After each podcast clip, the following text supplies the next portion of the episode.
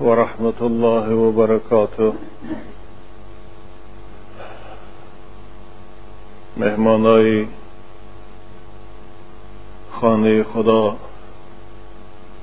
و عاشقان مدرسه محمدی صلی الله علیه و سلم.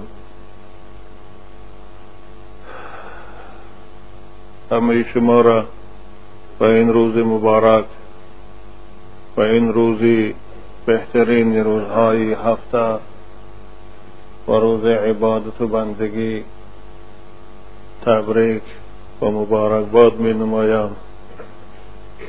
و از پروردگار عاجزان دعا می کنم. این قدم هایی که برای آمدن این مدرسه محمدی از راه های دور و نزدیک پنجه فرموده حسنات نویسد و در عوض هر قدمی زدگی گناه های شما را مغفرت نماید. و درجات شما را در پیشگاه با عظمتی خود بلند بردارد. و هر مراد و مقصودی که داشته باشید پروردگار و مقصودتان رساند. آمین.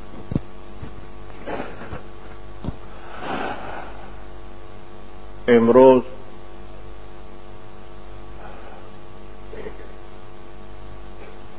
روز بشت یکمی ماہ مبارک رمضان و ام ماہ کی سارتھاپا نور بود و ام ماہ کی عبادت در او مضاعف بود. این ماه که گناهان در او آمرزیده می‌شد و این ماه که خواب روزدار عبادت بود و نفسهای میکشیدگی او تسبیح شماریده می‌شد با همه فضیلت ها و با همه بزرگی ها به سوی زوال رفته ایستاده است. رمضان آفتاب بود طلوع کرد و عالم را به نور خود روشن ساخت و اکنون باز به سوی غروب رفته ایستاده خوشا به حال بندگانی که در این ماه توشه ثروت پسنداز برای خود در آخرت ذخیره کردند وای و صد افسوس برای کسانی که این ماه بزرگ قدرش ندانستند. و به احترام این ماه گناه های خدا در پیشگاه خدا مغفرت نکردند. انشاءالله در این باب باز وسیعتر با تفصیلتر در جمعه آینده که جمعه وداع است. جمعه جدایی از رمضان است و جمعه جمعه فراق صحبت می‌کنیم. الان امروز صحبت ما در پیرامون احکام صدقی فطر است که و در جمعه گذشته با شما وعده کرده بودم. الحمد لله رب العالمين وأشهد أن لا إله إلا الله ولي الصالحين. وأشهد أن سيدنا وعظيمنا وحبيبنا محمدا رسول الله خاتم الأنبياء والمرسلين. وعلى آله وأصحابه أجمعين. پروردگارا در این ماه مبارک به حرمت این لحظه های اجابت دعا، فقیران و محتاجان ما را غنی گردان. و گرسنگان ما را خدایا سیر گردان. و قرضداران ما را پروردگارا از قرض خلاص گردان. و فاسدان و بد اخلاقان را از این جامعی ما خدایا دور گردان. خدایا فرزندان ما را از پیروی شیطان نگه دار. خدایا فرزندان ما را از پیروی شیطان. خواه شیطان انسی باشد خواه شیطان جنی نگه دار. خدایا دختران ما را خواهران ما را مادران ما را حیا و عفت و پاکیزگی عطا فرما. خدایا مادرای عزیز و خواهرای ما را که امروزها مانند سید بدامی اوباش ها افتیدن از دام این اوباش ها خلاص کرده و لباس خیار پروردگار را در بدن اونها پوشیده کرده آمين. آمين. وأشهد أن لا إله إلا الله. عبدي أطعتني فقربناك. وعصيتني فأمهلناك.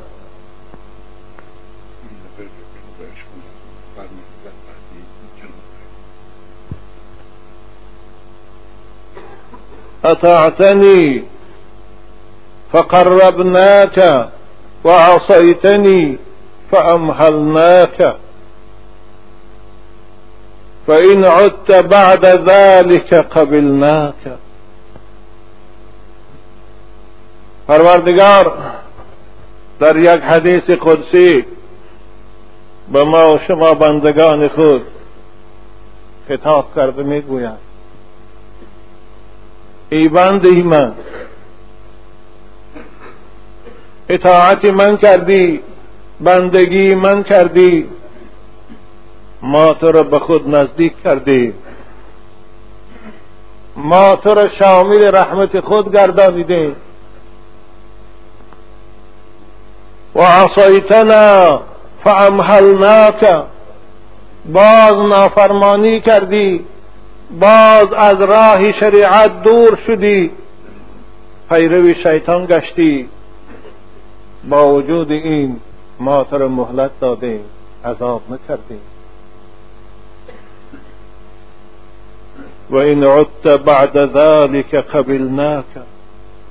بعد از کمبودی ها بعد از معصیت ها بعد از غفلت ها ای بچی آدم.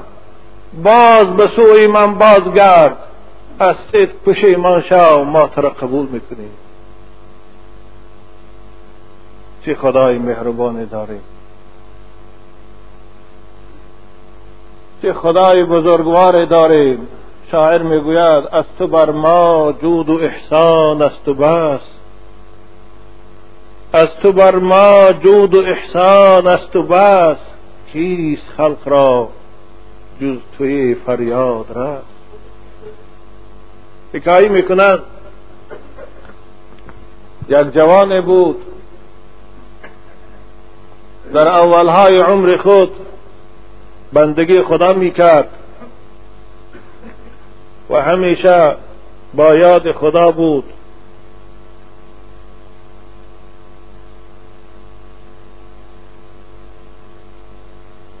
بعد از گذشتن چند ایام یا شاید صاحب ثروت شد یا شاید صاحب منصب شد. از یاد خدا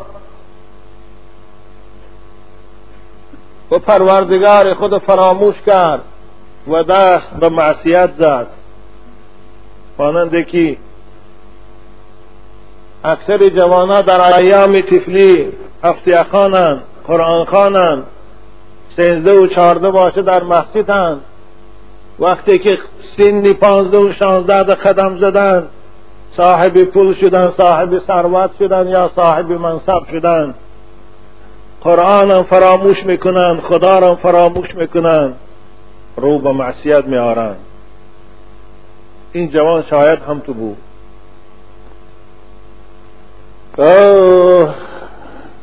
چند مدت عمر او در معصیت گذاشت. امام غزالی میگه 20 سال عمر او در معصیت سپری شد. عرق نوشی به نمازی کارهای نامشروع.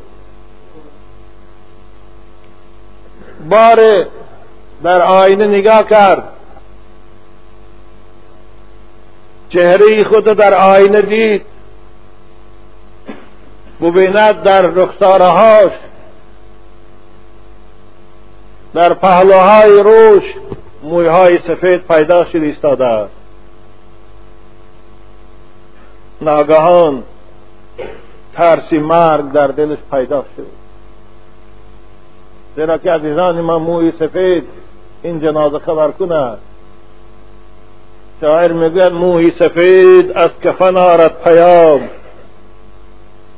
موی سفید از کفن آرد پیام. پشتی خم.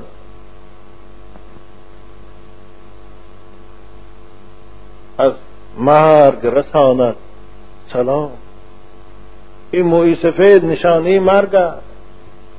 این موی سفید جنازه خبر کن است. عرب ها میگن شیب که ناعیک موی سفیدی تو جنازه خبر کنی توست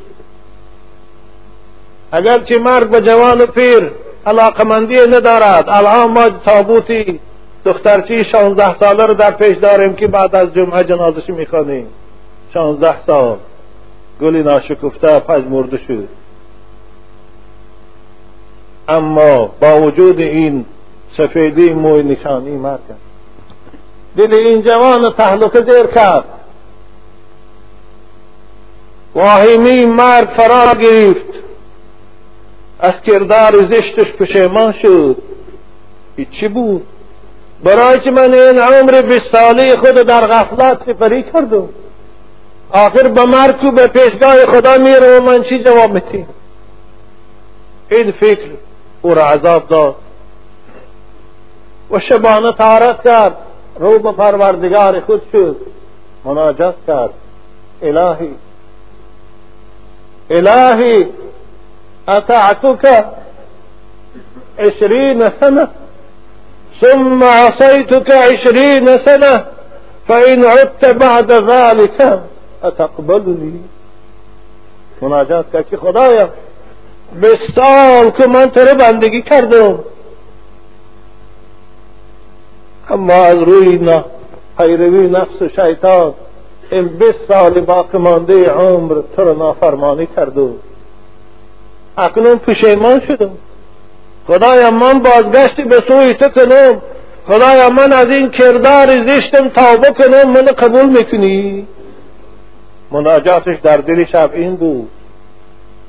شاید عزیزان من در بین شما عاشقان مدرسه محمدی هست چون این آدمایی که اولهای عمر اونها به گفتی صاحب صوفی الله یار صاحب مسلک المتقین از اولهای عمر او پرسی میگریزی نفرت می‌کنی. اما امروز الحمدلله پیش از مرگ بازگشتی به خدا کرده. همین ندای ملکوتی این حدیث حدیث قدسی است. به گوشش رسید که عبدی اطاعتنا فقربناک بندی من. تو بندگی من کردی عبادتی من کردی. به محبت من به رحمت من سزاوار شدی. و عصیتنا فامهلناک این بیست سال زایدتر نافرمانی من کردی. عمرت در غفلت گذرانیدی. حتی آشکارا به مقابل من جنگ اعلان کردی. مانند امروز مسلمان های روزدار که در این ایام روزی ماه مبارک رمضان می‌خورند. فرزند مسلمان این جنگ به مقابل خداست. اما خدا قادر بود انتقام خود شگیرد. اما نگریفت. خدا چه گفت فامحلناک ای بندی من من رو مهلت دادم من تو رو در همون ایام غفلت هلاک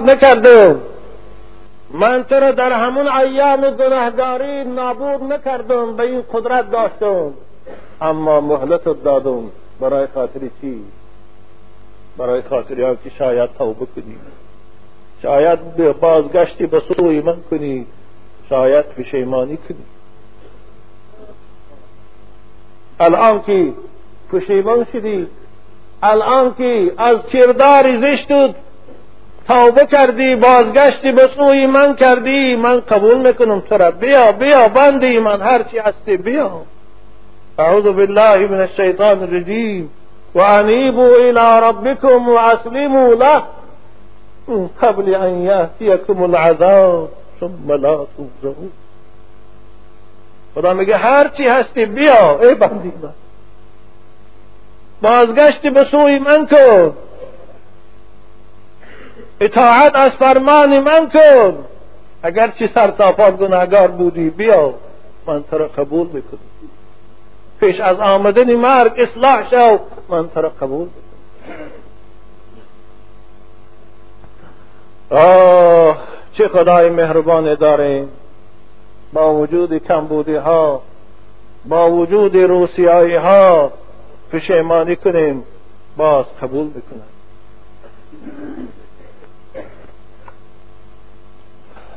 وأشهد أن سيدنا وعظيمنا وحبيبنا محمدا رسول الله.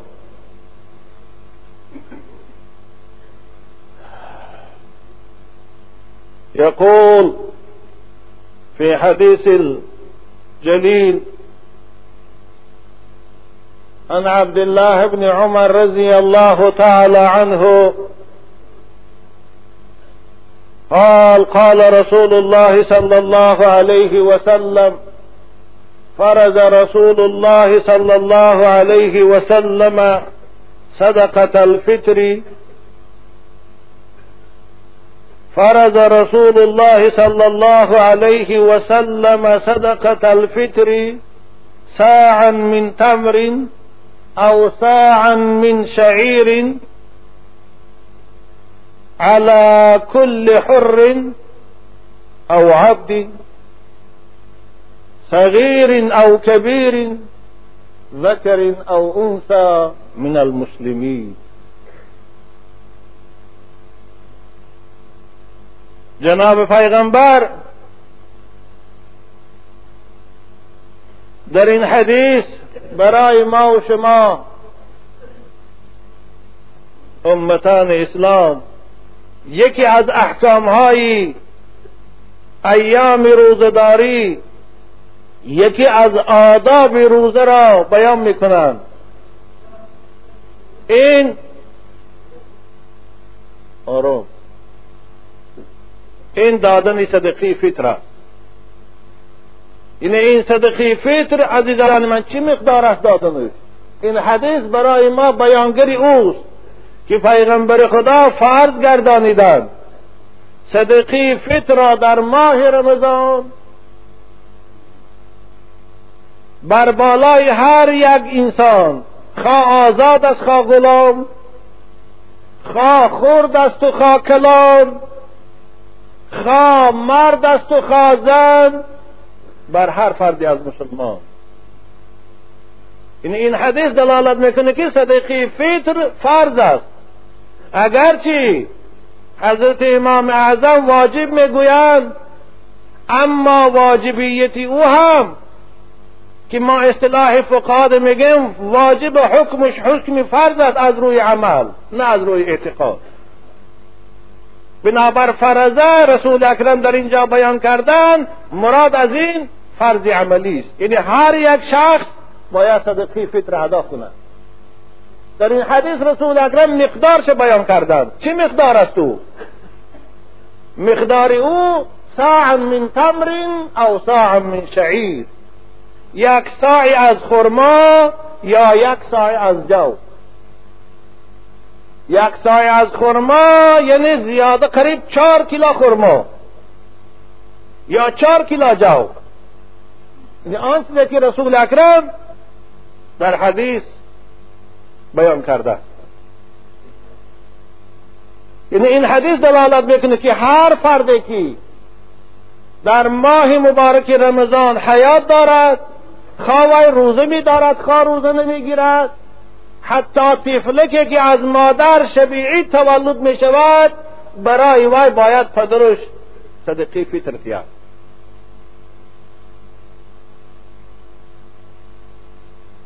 یک سای از خرما یعنی قریب چهار کیلو سه کیلو و ششصد گرم. یک سای از جو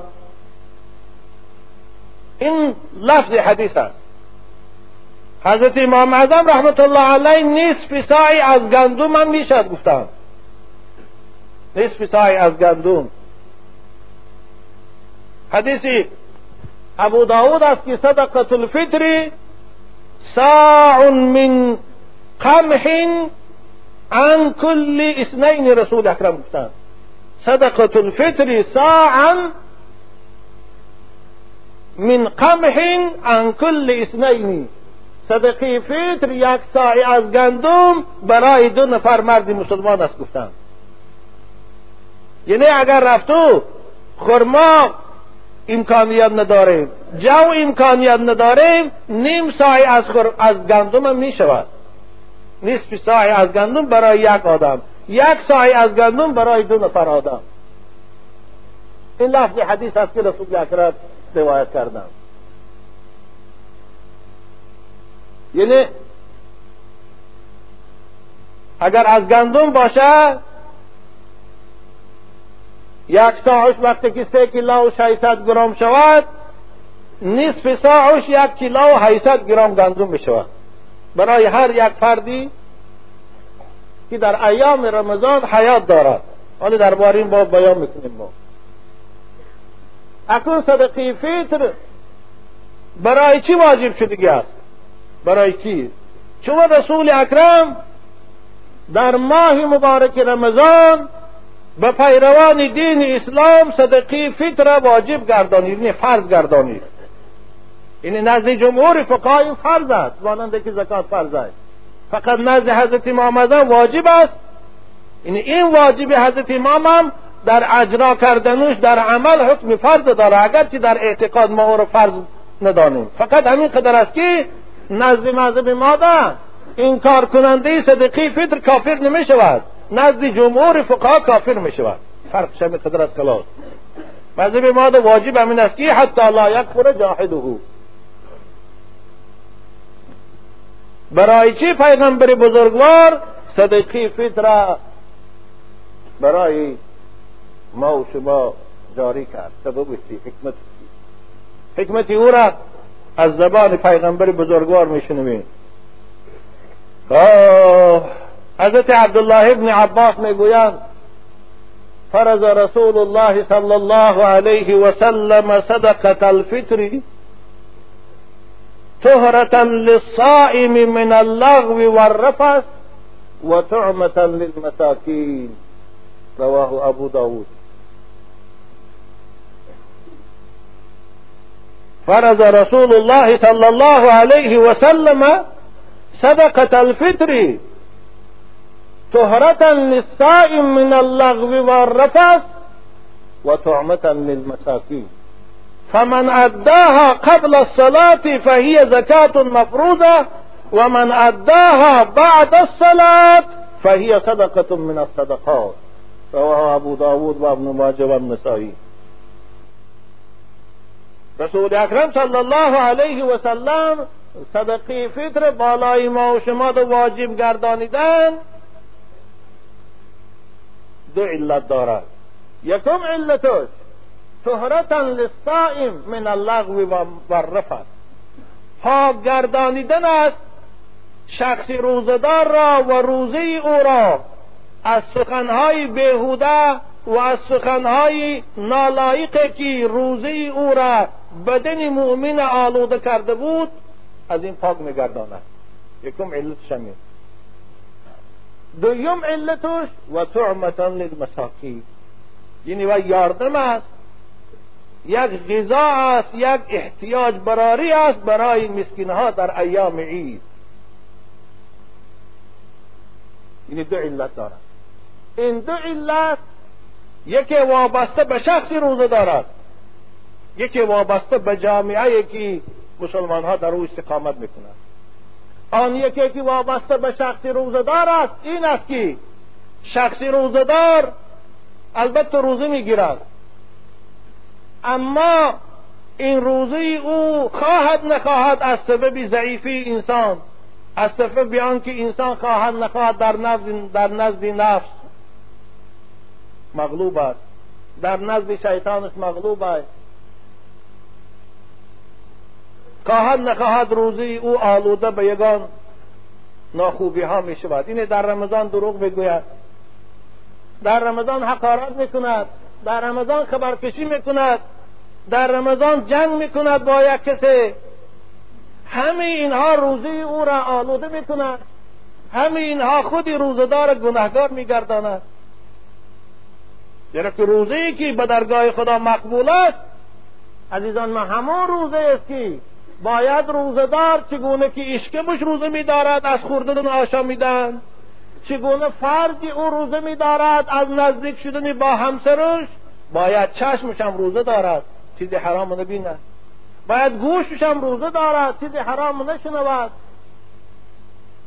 باید زبانش هم روزه دارد چیزی حرام نگوید. باید دستش هم روزه گیرد پاش هم روزه گیرد. اما از کدام ما این سات به وقوع می آید هیچ کدام ما من نمی‌توانم زبان کنترل کنم. من نمی‌توانم چشم کنترل کنم در ایام رمضان. یک جای نامشروط می افتد خصوصا امروز تلویزیونها. که سر تا پا. نه اینکه تلویزیون است به اصطلاح عبدالحمید کش گویم او مفسدیون است. او تلویزیون نه او فاسد کننده اخلاق است. او فاسد کننده جامعه است. او ویران کننده و برهم زننده حیاست او مفسدیون است نه تلویزیون. می چشم می افتد گوش می شنود همین ما را و روزی ما را آلوده کرد. به چی؟ به گناه به چیرک پیغمبر خدا که طبیب امت بودن معلم و نجات دهنده امت بودن از ضلالت و گمراهی برای ما و شما را از این معصیت از این آلودگی ها خلاص کردن در آخری ماه مبارک رمضان صدقی فطر مشروع کردن این جاری کردن. که این صدقی فطر به اصطلاح ساده گویم به منزله حمام است. که شخصی آلوده به چرک حمام میدرا از حمام برآمد چگونه پاکیزه و تازه است؟ شخصی روزه در وقتی که صدقی فطرش می‌دهد این روزی آلوده او به غیبت و به حقارت پاکیزه می شود شفاف می شود مانند که انسان از حمام می برد چگونه تازه می شود یکم حکمت شمیم بنابر رسول اکرم طهرتون للصائم من اللغو و الرفث گفتند سبب دیومش که رسول اکرم و طعمتون للمساکین گفتند این است ایام عید روزهای عید. این روزهای خورسندی است. باید جامعه همه خورسندی کنند باید بندگان خدا همه در آن روز خوشحال باشند باید خورسندی عمومی باشد. این از روی اخلاق اسلامی نیست خاندان ما لباسهای قیمت پوشد بچه های ما. های لذیذ و شیرین خورند همسایه ها و فقیرها برادرای مسلمان روز عید چیزی نداشته باشن پوشند روز عید چیزی نداشته باشن کودکان ها خورسندی کنند این از روی انصاف نیست. برای خاطر آنکه این خورسندی عمومی شود پیغمبر خدا فرض گردانیدند برای هر یک آدمی که نفقه یک روزه دارد غیر از حاجت اصلیش یعنی خانه دارد. کرپه دارد لباس دارد گاو دارد غیری. و یک روزه خوراکی برای خودش و برای بچه هاش باشد و اید صدقی در گردنش فرضه که باید تیاد. همسایه هایی که ندارد اگرچه حضرت امام اعظم در این باب نصاب زکات شرط کرده است برای هر یک مسلمان اما این قول جمهور نیست. رسول اکرم در حدیث صحیح که امام احمد ابو داود ابن ماجه روایت کردیان حضرت ثعلبه ابن ابی الصغیر میگویند قال رسول الله صلى الله عليه وسلم ادو صدقة الفطر ساعا من قمح أو ساعا من شعير عن كل إنسان عن كل إنسان. صغير أو كبير ذكر أو أنثى فقير أو غني حر أو عبد فإن الغني يزكيه الله بها وأما الفقير فيرد الله الیه اکثر مما أعطاه. این لفظ حدیث است که رسول اکرم بیان کردن رسول اکرم گفتن صدقی فطر شما تیه یک سای از گندم تیه. یک سای از خرما تیه. به شمار هر انسانی که وجود دارد هر انسانی که وجود دارد. این رسول اکرم انسان گفتند یعنی نگفتند خواه او انسان باید خاکم بغل. خواه مرد است و خواه زن. خواه کودک است و خواه کلان. خواه زن است و خواه مرد.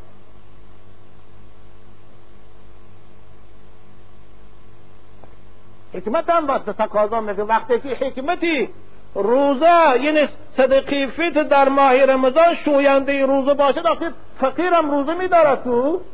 برای به شوینده بکار است روزه و شوید. یعنی ما سلمنا مذهب حضرت امام اعظم تسلیم داریم. یعنی اما آن چیزی که جمهور گفته است که در کتاب های هم هست من شما دور فهمانده ایستادم اینه کسی که خانه زایتی دارد کسی که زمین دارد کسی که ماشین دارد کسی که نفقی یک روزه برای خاندانش دارد اگر همون مالهای زایتی که در خانهش باشد حساب کنیم به قول حضرت امام اعظم.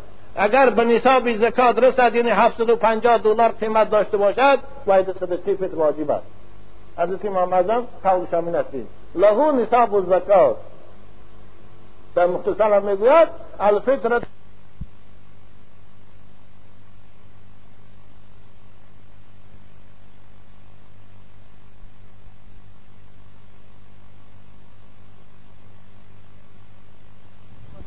برا على كل مسلم له نصاب الزکات. این قول حضرت امام اعظم است. یعنی در خانهش امروز الحمدلله کدام خانه که اندک حال داشته باشد اگر بایگیری خانهش شمار کنی می‌برد 700 دلار در نقده. خواه گاو دارد خواه زمین دارد خواه مثلا پنج شش خانه زایتی دارد. اما اگر رفت هیچی هیچی نداشته باشد یک خانه دارد و خلاص یک کرپه دارد و خلاص همین روزه خوراکش هم مهیاش نیست. البته باید صدقی فید واجب نیست.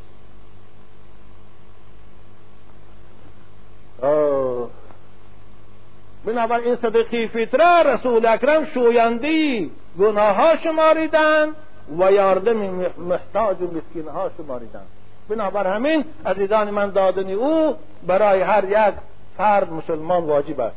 اکنون از از جانب کیا دادن در کار است یعنی پدر باید اول برای خودش تیاد برای کودکان خورسالی که دارد نابالغ برای وی تیاد اگه امروز غلامداری نیست.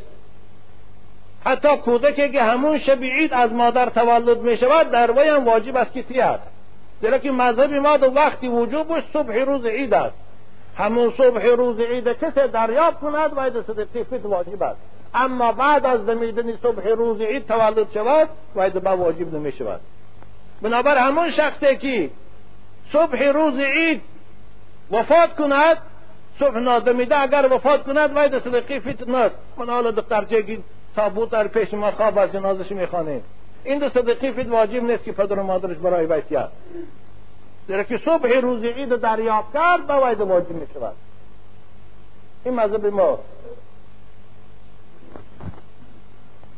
اما بچه هایی که کلان داریم من برای خانمش برای بچه هایی که بالغ شده است کلان شده است.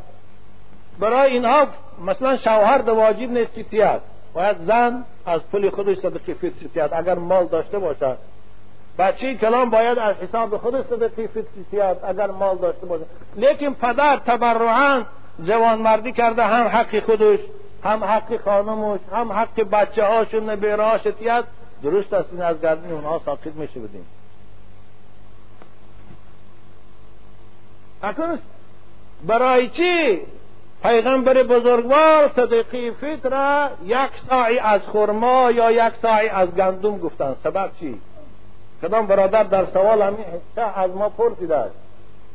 که چون حکمت چیست که یک سای از گندم یا یک سای از جو صدقی فطر شد؟ زاید نشد کم نشد.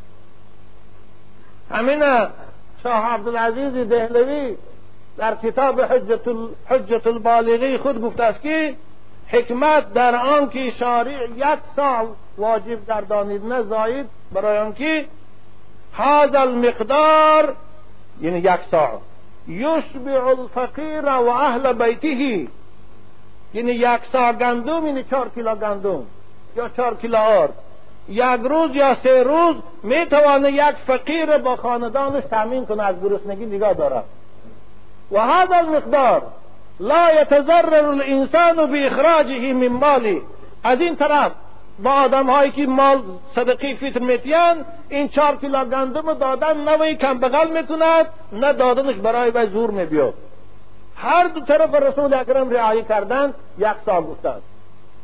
در کتاب حجت البالغه همین گفته حضرت. شاه عبدالعزیز دهلوی. یعنی یک سا گندم یشبع الفقیر و اهل بیته. تنبغله یک روز دو روز تعمیم می‌کنه خوراکیشن این بنو. اما از طرف دیهنده چی؟ از آدمایی که میتیند اونها هم از دادن یک سا هیچ زیانی نمی‌بینند مثلا شما اگر در خانهتان ده نفر آدم باشد ده سوم امرودال یک سامانی. ما گفتیم حساب میانه رو گرفتیم. اداره مفتیات 800 سام 800 سوم است 800 دیرم. 800 گیته اختیار به دست شما. این بای ها بهتر میشه که یک سوم هم زایدتر تیان زیرا که در حدیث ها رسول اکرم حضرت علی ترغیب کردند در ایامی که وسعت بایگری با آدم ها باشد باید یک سا گندم تیاد نه نصفی سا حدیث صحیح در این باب آمدگی است. یعنی اگر ده سمتیت آدمی ثروتمند ده گودک در آیدش باشد به وی هیچ زیان نمی‌رسد. به پولی و هیچ نقصان نمی‌رسد. اما این ده سامانی یک فقیر خیلی کمبودیاش تامین می‌کند. با سه کاسه شکر می‌خورد دو کیلو روغن می‌گیرد. خیلی یاردمی او برای زندگیش می‌شود از این سبب رسول اکرم یک سای از گندم فرمودند. در حدیث های اتو صدقی فطر بکیا باید اینش هم باید دانیم. صدقی فطر مصرفش مصرف زکات است. مذهب حضرت امام اعظم ده صدقی فطر مصرفش مصرف زکات است. از این سبب فقیرها مسکینها قصدارها همینها دادن در کار است. اما جمهور فقها میگن که مصرف صدقی فطر فقط فقرا و مسکین هاست برای آنکه رسول اکرم اینجا تعمتون للمساکین گفتن یعنی مسکین کسر که هیچی ندارد هیچی هیچی ندارد همین روزو که گدایی کرده شنبه رو روز بگذرانه خودشو بچه ها نمونه دو دادن کار یعنی یکسومی سری هر نفری که در خانه شما هست حساب کنه همون همسایی کم بغل داره خیشی کم بغل داره خب همونها رو که با تاکید می‌کنم که امام هایی که بای باشند و بهی تحرم الصدقه فقها می‌گویند کسانی که ثروتمندن امام می‌شوند اونها در حرام است گرفتن صدقی فیل. مگر اینکه اگر امام فقیر باشد نصاب زکات نداشته باشد در خانهش میلش برای وی حلال است. اما اگر بای باشد بهترش نگیرد. فقیرها و کم بغلها و محتاجات بسیار. صدقی فیل. آره کسی بای است در قشلاق برای امام و حرمتش یا چیزایی تر حساب صدقی فید بیرون ثواب می‌گیرد ضرر نداردی زیرا که صدقه این نجات دهنده انسان از آتش دوزخ است. حضرت ابو دردار رضی الله تعالی عنه خانمشان فریاد کردن گفتند یا امت دردا ان لله سلسله من النار. إن لله سلسلة من النار تغلی فی مراجل فی النار. منذ خلق الله تعالى إلى يوم تلقاه في أعناق الناس فنجانا الله من نصفها بإيماننا بالله العظيم فحظي على طعام المسكين. حضرت گفتن ای قانونشان گفتن ای ام دردا گفتن. تو میدان پروردگار گفتن زنجیرهای در دوزخ آفریده است. که در حرارت بلند دوزخ در دگهای تسبان سرخ شده ایستادیند از روزی که خدا دوزخ آفرید این زنجیرها را آفرید این زولانه ها را آفرید. این زولانه ها برای کی است؟ برای کسانی که در دنیا زکات نمیتیند برای کسانی که در دنیا به فقیر و محتاجا یاردم نمی‌کنند. برای کسانی که در دنیا ایمانی به خدا نمیبیارند. روزی ماه مبارک رمضان نمیدارند. در گردن اونها انداخته می شود و دست و پای اونها را به این زنجیرهای آتشین بسته می شود خذوه فغلوه ثم الجحیم صلوه. بگیره. زنجیر بند کنه. به دوزخ سوزان اندازه این سرکشا و این روز خورا را. حضرت بچه گفتن فنجان الله من نصفها. از نصف این عذاب و زولانه ها خدا ما را نجات داد. الحمدلله. به سبب ایمان آوردن ما. ایمان آوردیم به رسول بزرگوار. به خدای یکتا امید دارم که از نصفش خلاص شده باشیم اما نصف دیگرش حالا هست. فحضی علی المسکین. ای ام دردا گفتن بسیار کوشش کن به فقیر و محتاجا یاردم کردن در حرکت کن. از دست می بیا فقیرا و محتاجا رو بیتی. تعام تی یعنی این تعام دادن این صدقه دادن این زکات دادن ما و شما را از دوزخ نجات بکید ساعت داره؟ این ساعت کلیته بودن کی ساعت داره؟ خب. این دادن صدقه فطر عزیزان من. یکم شویندی. کمبودی های روزه از, از, از ایام روزداری ماست. دویم یاردم محتاجا و کمبغلاست سیم خلاصی ما و شما از آتش دوزخ است. اکنون اینجا سوال وارد می شود که در شرع صدقه فطر وارد شده است به گندم به جو به خرما به آرد. که صاحب مختصرا میگن الفطرت من بر و ما یتخذ منه. هر چیزی که از گندم گرفته میشه آرد و سبوس هم می‌شود جو هم می‌شود. اکنون قیمتش نامده است. همین قیمت چتیم پول چتیم جایز است یا نه؟ مثلا گندم نمیتیم خرما نمیتیم پول چه میتیم؟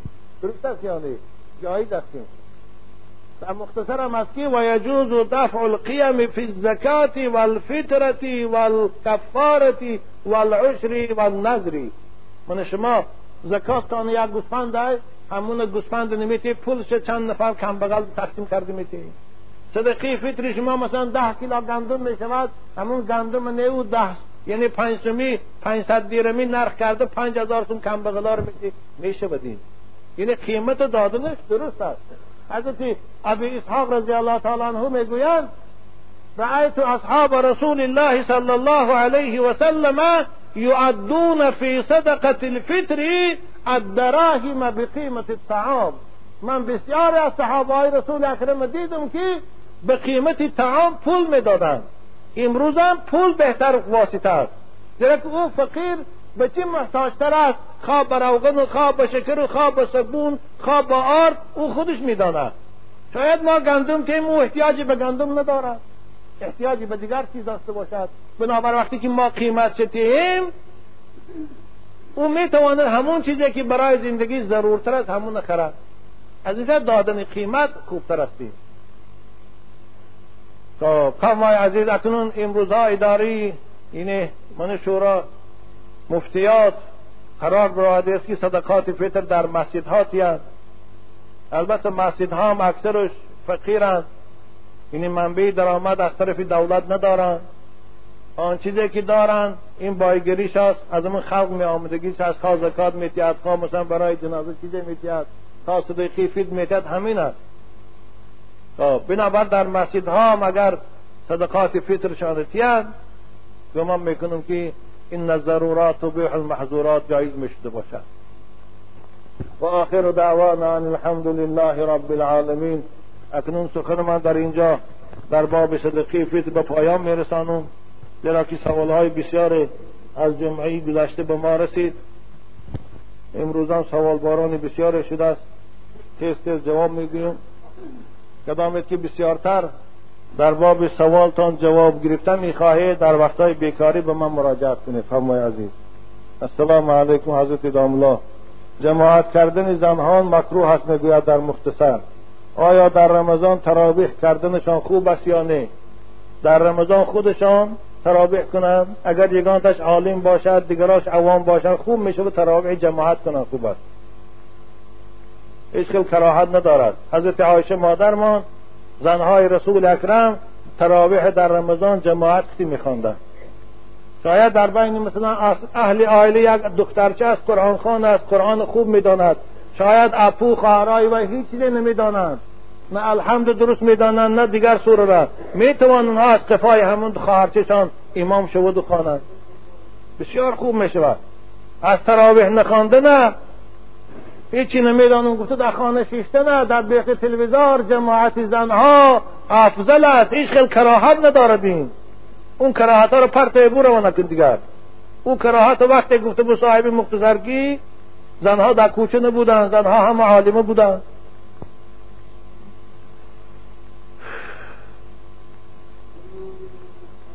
داملای محترم مرحمت کرده گویید که در وقت شنیدن نام پیغمبر محمد صلوات ربی و سلامه علیه یعنی صلوات میفرستیم و تعظیم کردن هم یعنی سر فرود آوردن جایز است یا نه گروه طالب علمان نه جایز نیست تعظیم رسول اکرم جوانای عزیز عاشقان مدرسه محمدی این به صلوات فرستادن است نه به این تو کردن خم شدن حتی در نام پروردگارم که الله آواز اعظام میبراید تعظیم کردن حاجت ندارد جل جلاله گفتن در رسول اکرم نامش شنیده افضلین تعظیم. این اللهم صل علی محمد و علی آل محمد گفته دستیم سر خم کنی و صلوات نفرستی چی فایده استی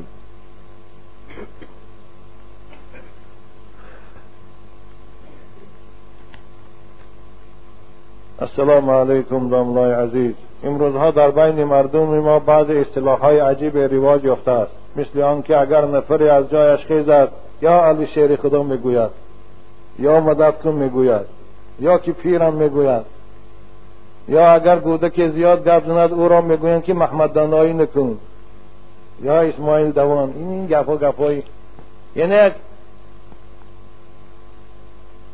یا علی شیر خدا گفتن یا پیرم گفتن در وقت خیستن البته خوب نیست. اگرچه این در اصطلاح ما تاجیک ها کوهستانی ها عادت شده است. یک کار زورش بیاد یا پیرم گفته میخیزد. ای دست پیرشی چی نمیبیاد و خدا یاردم می‌کنه. بنابر بهتر می‌شد. من می‌دانم که من شما را نیم کنم عادت یا میگیتم. لیکن بهتر می‌شد که جای همون یا الله گویه یا خدا گویه این بهتر است این. از دست پیر هیچی نمیبیاد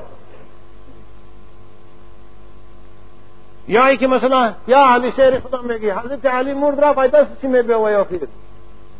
ابنا جای علی ده همون خدایی که علی را نگاه داشت شما را هم هوای نگاه میداره یا الله گو او بهتر استی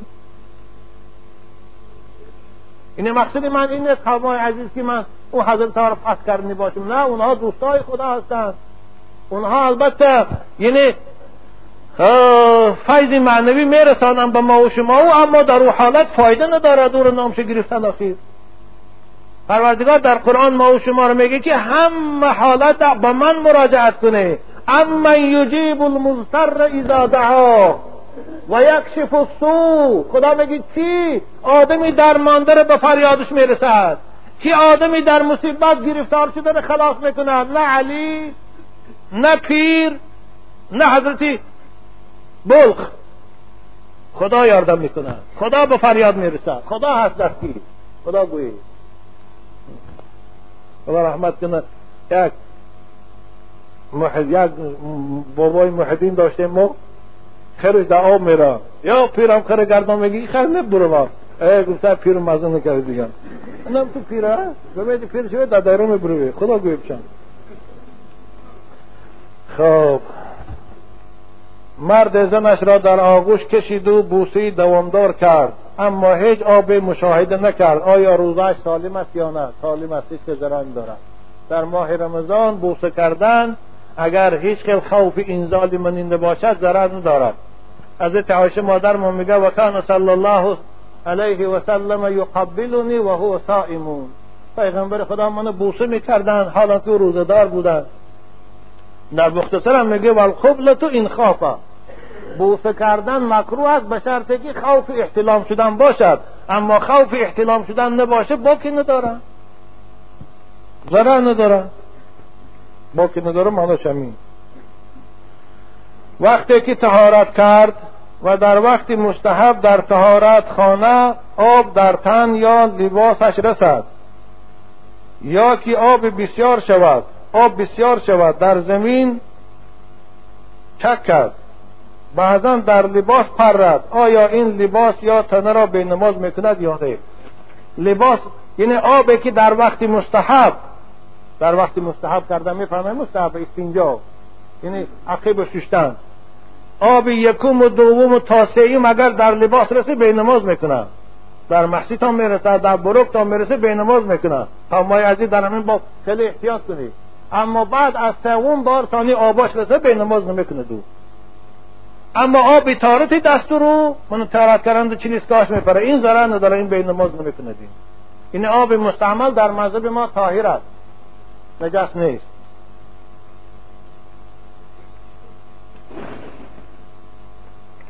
خب یک دیگه مونده انشاءالله همینو می‌خونیم بعد جواب می‌کنیم السلام علیکم داملای عزیز. در ماه مبارک رمضان ناس کشیدن یا سیگار کشیدن روزه را میشکند یا نه؟ من در این باب جمعه گذشته باید شما باشد گفته بودم. اما برای خاطر آن که بعض از ما دلیل طلب کردن از کتاب خلاصه المسائل مسئله 818 در کتاب صوم. انبر و غیره را دود کرد و در نزد خود گذاشت از بویدن آن روزه فاسد می شود یا نه؟ فاسد می شود. و همچنین از کشیدن قلیان و انداختن ناسوار روزه فاسد می شود قلیانش هم پپیروس مانند این پپیروس ها میمونن چوب داره می‌کشن تو. پپیروس دادر هست.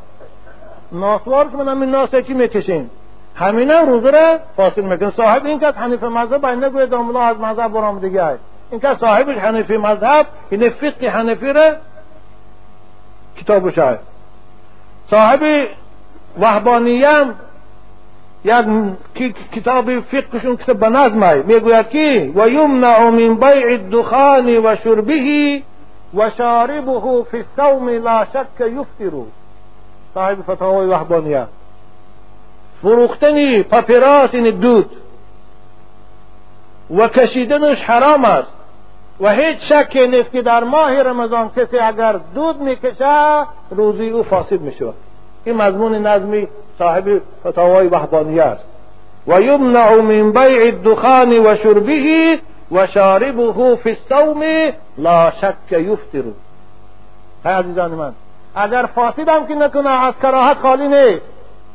شاید کسانی به من اعراض گیرن که یعنی این دود یا که این ناس فرو نمی رود که. فقها پیغمبر خدا سقیش خایدن در ماه رمضان مکروه گفتن برای زنها برای خاطر آنکه گویم می‌خوایم فرو نمی رود اما احتیاطا که مبادا یگان میدش در حلق فرو نرود. این ناس هم از کلوله های بارت او آدمی که میکسد توف می‌کنه شاید یگان تاش در بین دندانش میمونه فرو رود. چی؟ از کراهت خالی نیست. بنابر خواهی که روزتان در پیشگاه خدا خوش بیاید روزه رو پاکیزه داره در یک ماه لاقل خداتان از زمین پپیراس و سیگار نگاه داره اولش که این تمام سال حرام است.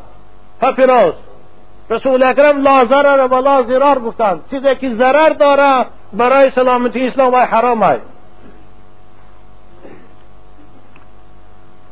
و این چنین چشیدن تعام که زنان ما مجبورند هنگام تعام پزی بچشند درست است یا نه؟ چشیدن تعام برای زنهایی که تعام می‌کنن ضرر ندارد. مثلا همون حیال است که خانم مثلا خانم است که شوهرش آدم بد اخلاق است. یا شاید خانهش مهمان داره. اگر نمک تعام نچشه شاید شور می شود یا بی نمک می شود که سببی ایزا کشیدنش می شود یا سببی آزار دادن شوهرش می شود همین ها با که نداره تعام چشن. چشن نمک شه با توف کنن پرتاین. هیچی باقی ندارد اگرچه فقها فقها و کری از ذوق می‌گویند این ذوق چشیدن مکروه میگن این در حالت بی ضرورتی است. اما ضرورت باشه ضرر ندارد این. تا کتاب میگه کنان که از بحر طفل می‌خواهند علما هم در این چی فرمایند؟ گر ضرورت بود روا باشد به ضرورت چنین خطا باشد. و خواهش مندم که جمعه را در موضوع سطر عورت میبخشیدید. انشاءالله این خدا خواهد. بعد از رمضان من این مکتوبای بسیار عمده است در جمعه آینده سوالات به جواب میتیم این موضوع سطر عورت که البته امروز موضوعی خیلی تشویش آور است. موضوع است که مسلمان های ما خواهرها و برای این فرزندای ما مبتلای آن شدیان هلاک شد ایستادن انشاءالله در این موضوع ما یک جمعه صحبت می‌کنیم بعد از رمضان. با پیشکی به شما اعلام میداریم و صحبت می‌کنیم. دعا کنیم پروردگار.